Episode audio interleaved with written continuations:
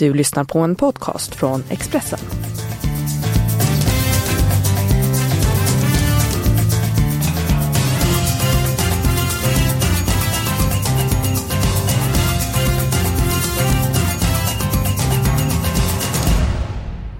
Tjena mycket varmt välkomna till Expressens podd Avspark. Vi snackar fotboll, vi snackar stryktips och jag förstår att det är mungiporna uppåt på alla som håller på Manchester United och det är ju väldigt många som gör det. Bland annat i Sverige.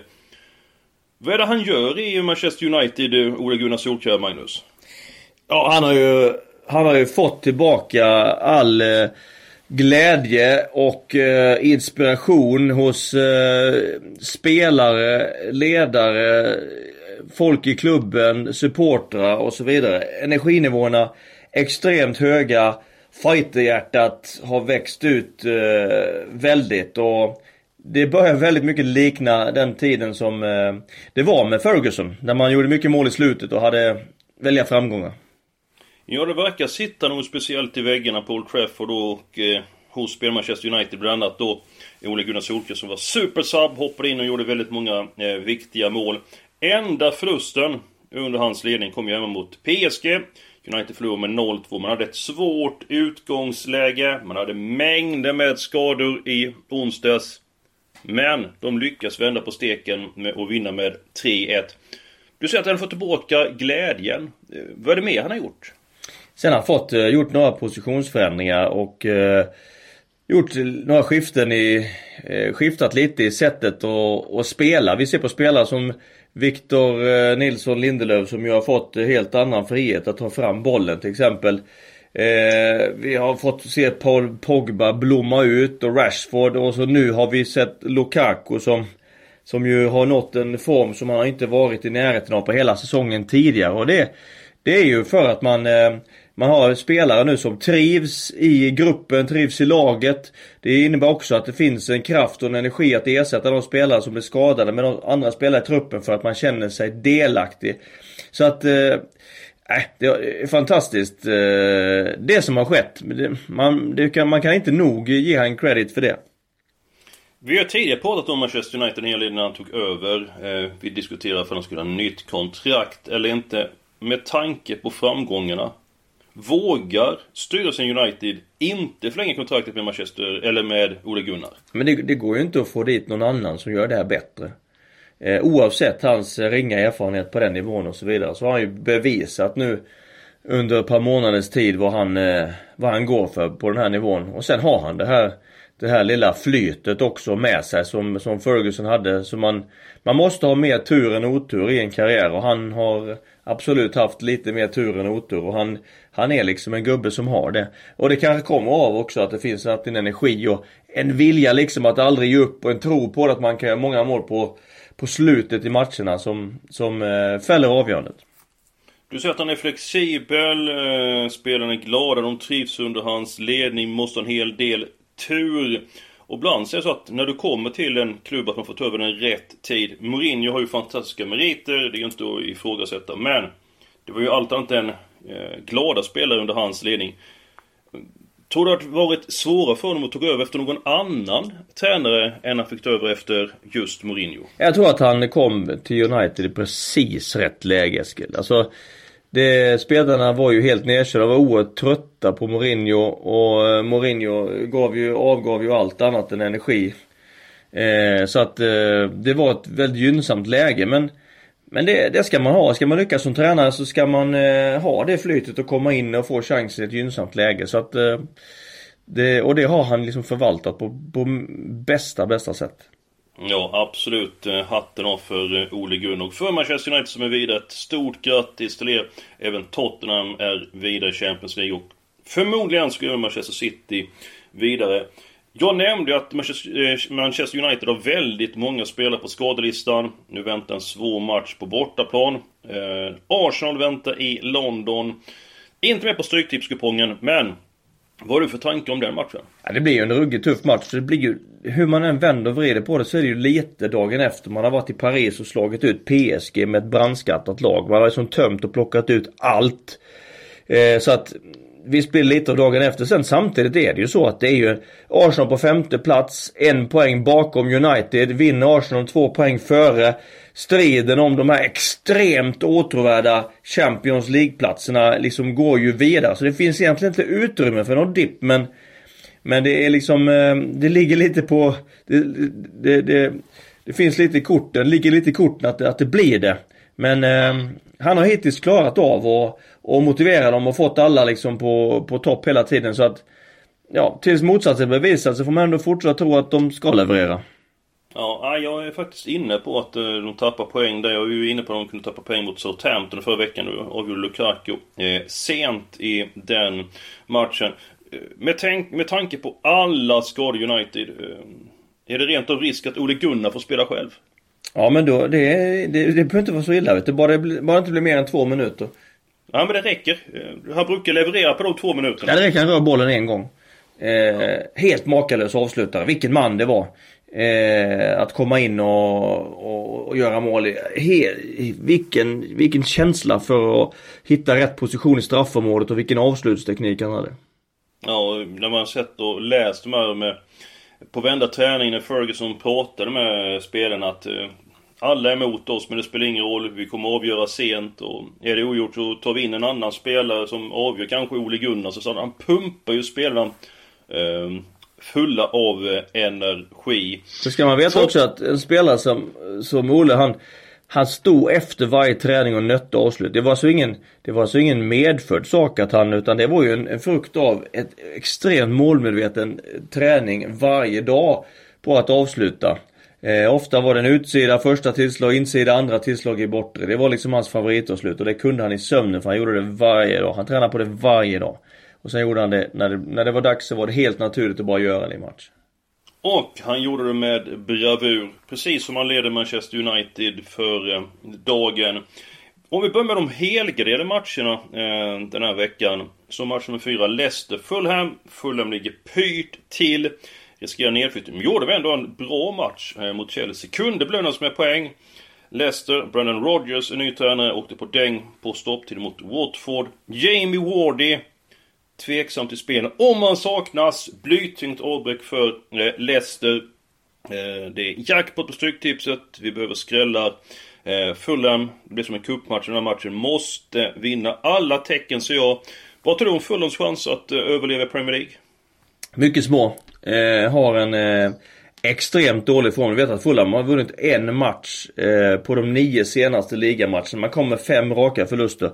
Tränarbyte nu, Scott Parker in som har en väldigt liten erfarenhet. Kom från Tottenhams U18-lag.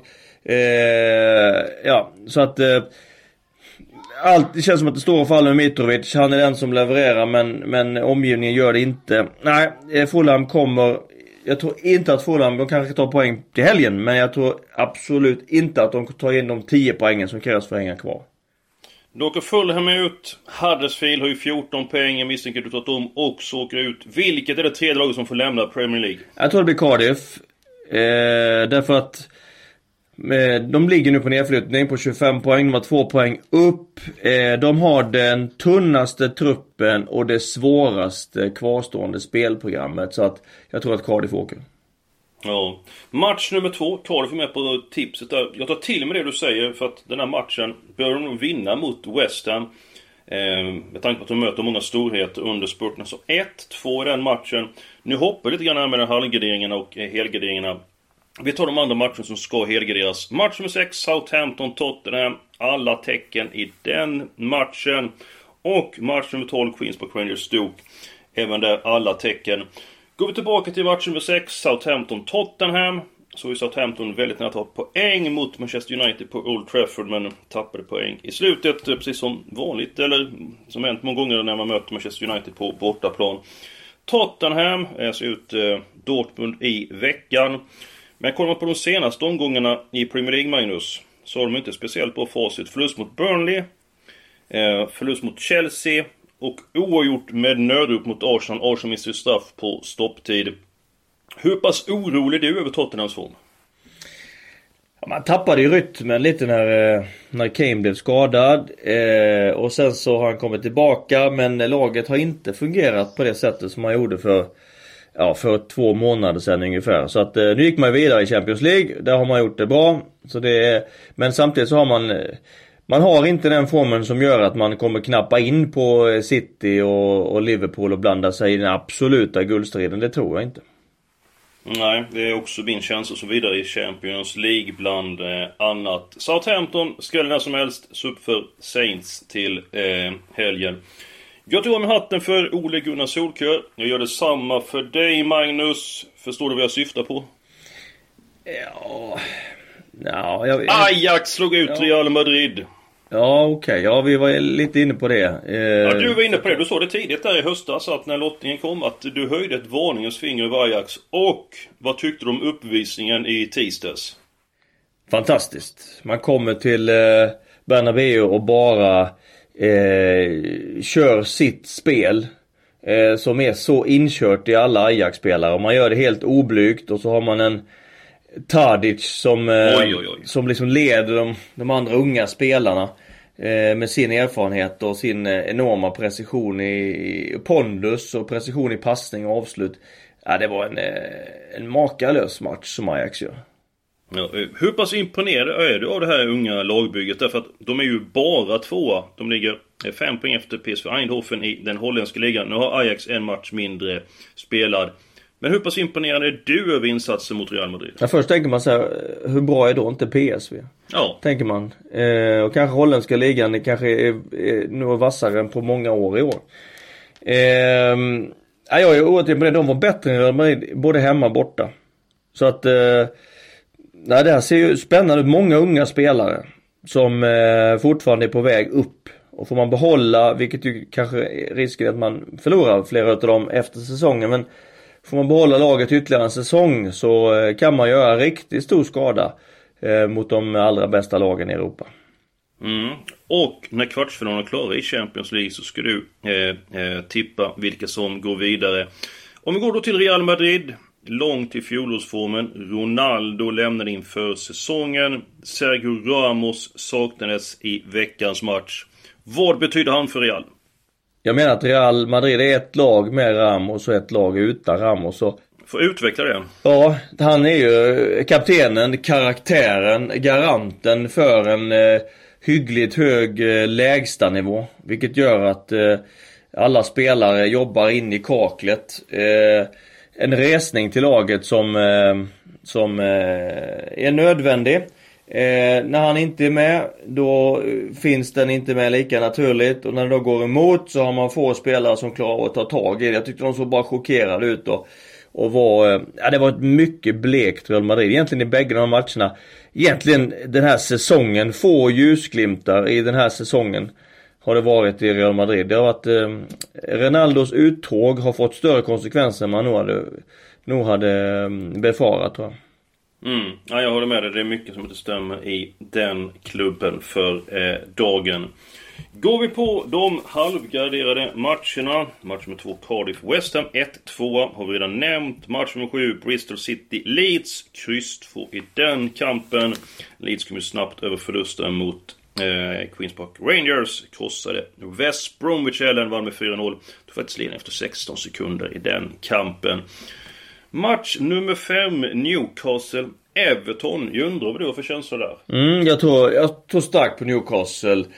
Av den anledningen att man har en... Eh, man har en väldigt, man har bra form. Man fick visserligen stryk mot West Ham borta senast med 2-0. Men kommer från två raka hemmasegrar i ryggen. 2-0 mot Huddersfield och mot Burnley och bröt ju Burnleys långa eller förlustfria trend 2019 där. Eh, möter ju ett, eh, ett Everton som ju kanske är det laget i ligan som har minst att spela för de här sista två månaderna. Man har långt till den här sjunde platsen som man vill åt. Man är he på helt säker mark. Så att eh, garanterat så kommer det påverka deras eh, motivation med någon eller några procent och det räcker för att man ska eh, förlora mot ett heltaggat Newcastle som vill spela sig klara för Premier League-spel även nästa år. Ja det stämmer det du säger. Newcastle har ju mer att spela för, troligen mer motiverat. Men jämfört med många andra ligor så tycker jag att eh, just Premier League är sällan spelarna viker ner sig. Även man då kanske inte har någonting att spela för. För de har sån karaktär, sån härlig attityd i matcherna. Eh, jag tar till mig det du säger, men jag tar ändå med krysset som gardering. Så har vi ett kryss i den matchen. Eh, tycker jag känns tryggt. Spiken den här veckan, match nummer ett, Manchester City mot Watford. Egentligen så är jag sugen på att gardera upp Manchester City för att eh, skulle de tappa pengar så sticker utdelningen i höjden. Men jag får inte ihop kupongen om jag inte spikar tabell-1, där Man övertog ju serieledningen eh, från eh, Liverpool i den senaste omgången. Match nummer tre, Huddersfield. Jumbon i serien möter Bournemouth. Callum Wilson är förmodligen tillbaka i Bournemouth. Han betyder mycket för offensiven. Fler spelare på gång. Huddersfield måste satsa framåt och ta ett Bournemouth, trots tråkig trend, får utdelning. Och match nummer 9. Bolton Millwall tog mycket på tvåan. Millwall är visserligen dåligt facit på bortaplan, men Bolton är helt under isen för dagen. Man har gott om folk på skadelistan. Man har en trio som är avstängd. Så jag tror mycket på Millwall i den kampen. Magnus, eh, det är eh, Allsvenskan är inte så långt bort och även Superettan eh, närmar sig med stormsteg. Eh, Svenska kuppen, kuppens gruppspel är över. Nu väntar kvartsfinal. Vilka tror du spelar final i år i kuppen? Jag tror att AIK möter Häcken i kuppfinalen. Mhm, mm och hur har du kommit fram till det? Jo, den eh, ekvationens lösning är följande att eh, Häcken eh, då först ska slå ut Gais till helgen och avancera till semifinal såklart. AIK får en eh, tuff match mot ett bra Öster men går vidare. Eh, där. Eh, Hammarby tror jag slår Djurgården. Eh, jag tror att AFC kraftar hemmaplan slår Halmstad. Det innebär att vi får två semif semifinaler. Eh, bestående av Hammarby mot Häcken, AIK mot AFC Eskilstuna. Och då tror jag att Häcken vinner i Stockholm mot Hammarby. Jag tycker att Häcken ser väldigt vassa ut. Mm -hmm. eh, och eh, jag tror att AIK slår AFC Eskilstuna och då blir det ju den här finalen då AIK Häcken och jag tror att Häcken vinner kuppen. Ja, mycket intressant. Eh, står dessutom i trevligt odds. Eh, eh häcken, en liten out sådär från din sida. Framöver blir det en hel del snack om Allsvenskan. Eh, ska vi prata eh, om nästan varenda klubb. Hoppas ni har trevligt den här veckan. Ett stort lycka till med helgens spelande och nästa vecka är vi tillbaka med en ny podd.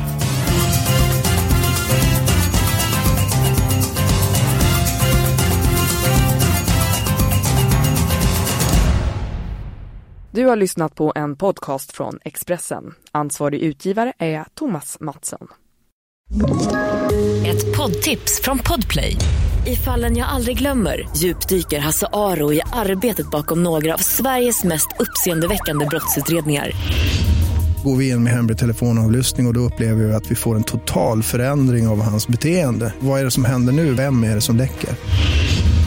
Och så säger han att jag är kriminell, jag har varit kriminell i hela mitt liv men att mörda ett barn, där går min gräns. Nya säsongen av Fallen jag aldrig glömmer på Podplay.